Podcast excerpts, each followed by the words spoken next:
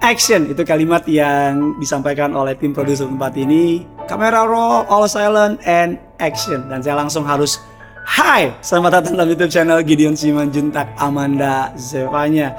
Tahukah saudara, kami melakukan ini dengan komitmen agar kami menjadi berkat untuk saudara.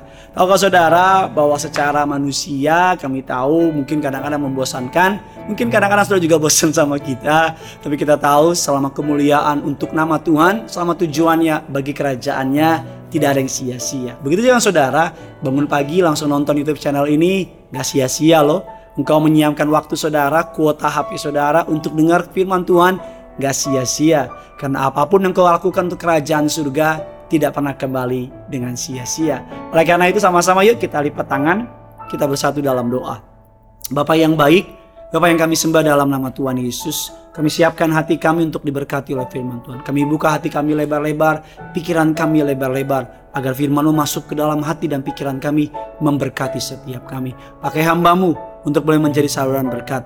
Biar nama Tuhan saja yang dipermuliakan. Hamba mau berdoa, siapa pun yang menyaksikan renungan singkat ini, kerinduanku, setiap mereka diberkati Tuhan. Sepanjang hari mereka melihat damai sejahtera Allah melimpah dalam hidup mereka. Di dalam nama Tuhan Yesus, setiap kita yang siap diberkati, sama-sama kita katakan, Amin.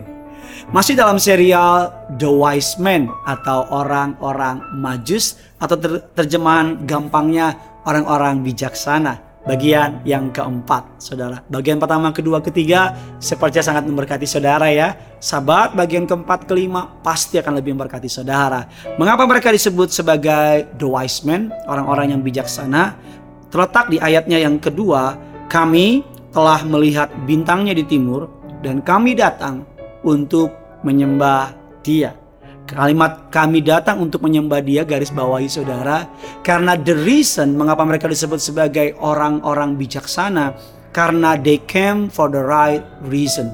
Karena mereka datang untuk alasan yang benar. Mereka cari Yesus bukan untuk jawaban doa mereka. Mereka cari Yesus bukan untuk supaya tambah kaya. Mereka sudah kaya. Mereka cari Yesus bukan untuk ketenaran, bahkan mereka cari Yesus bukan untuk hal-hal yang lain. Mereka cari Yesus dengan cuma satu tujuan. Apa tujuannya? Untuk menyembah Dia. Wow, ketika saya menyiapkan khotbah ini saya diberkati. Banyak orang cari Yesus hanya untuk kepentingan kemuliaannya, bukan untuk kemuliaan Tuhan. Banyak orang ikut Yesus nggak salah sih kalau awalnya karena sakit jadi sembuh, kalau miskin jadi kaya, karena punya masalah jadinya bebas masalah. Tapi Tuhan mau kita bertumbuh agar hari demi hari engkau mencari Yesus karena engkau mengasihi Yesus, karena engkau cinta sama Yesus Engkau ke gereja bukan karena takut api neraka, tapi engkau ke gereja karena engkau nggak bisa hidup tanpanya. Engkau hidup benar bukan karena supaya diberkati, walaupun hidup benar membuat kita diberkati. Tapi engkau hidup benar karena engkau nggak mau menyakiti hatinya. Karena engkau terlalu mencintai Yesus. Saya menjaga hidup saya sebagai seorang suami dan rumah tangga saya terhadap istri saya. Bukan karena istri saya takut dia marah saudara. Bukan karena dia cerewet dan sebagainya walaupun memang dia cerewet. Tapi saya melakukan itu karena saya mencintai dia.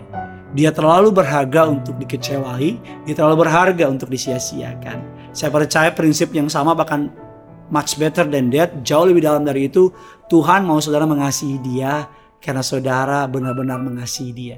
Dan kabar baiknya, ketika engkau mencintai Yesus karena hatinya, bukan karena tangannya, maka tangannya pasti akan memberkati saudara.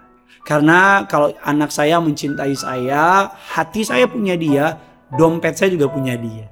Amin saudara. Kalau orang tua saudara, hatinya buat saudara, dompetnya buat saudara.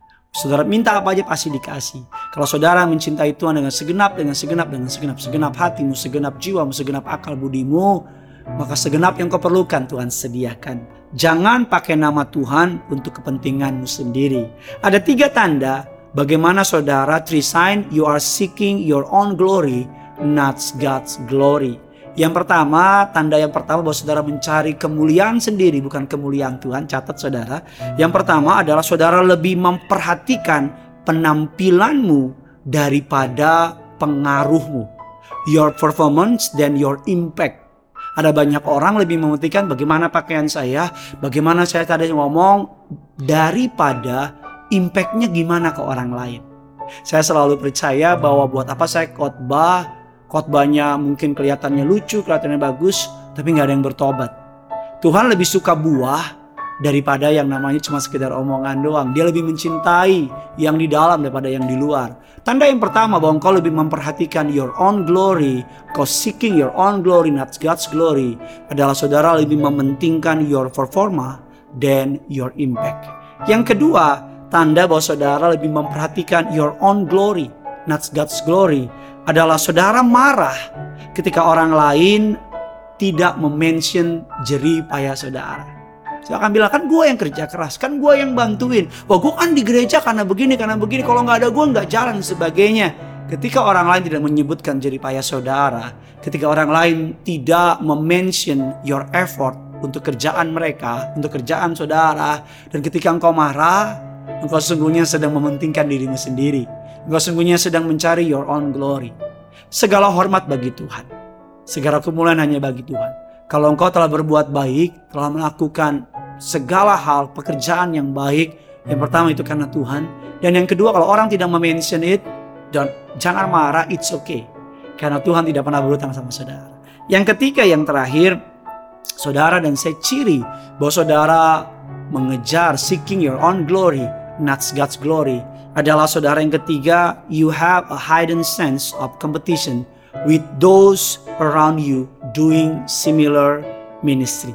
Saudara memiliki roh kompetisi di sekitar orang-orang yang melakukan pelayan sama saudara. Saudara lihat kiri kanan kalau belajar bagus.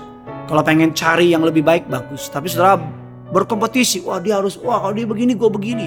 Kalau begini ya begini. Saya belajar dalam pelayanan saya bahwa dalam rumah Tuhan gak ada kompetisi. Satu-satunya musuh yang perlu dikalahkan dalam hidup ini bukan teman kita, bukan orang lain. Tapi siapa? Our own self. Diri kita sendiri. Itu the biggest enemy. Karena ketika kita dapat mengalahkan diri kita sendiri, maka kita dapat mengalahkan kedagingan kita. Doa saya firman Tuhan ini menguatkan saudara. Jangan lupa besok masih ada seri yang terakhir. Dan jangan lupa komentar di bawah sini bagaimana firman Tuhan hari ini memberkati saudara, bagikan kepada orang banyak yang punya surga, crazy in love with you. Saya berdoa engkau diberkati berkelimpahan. 拜拜。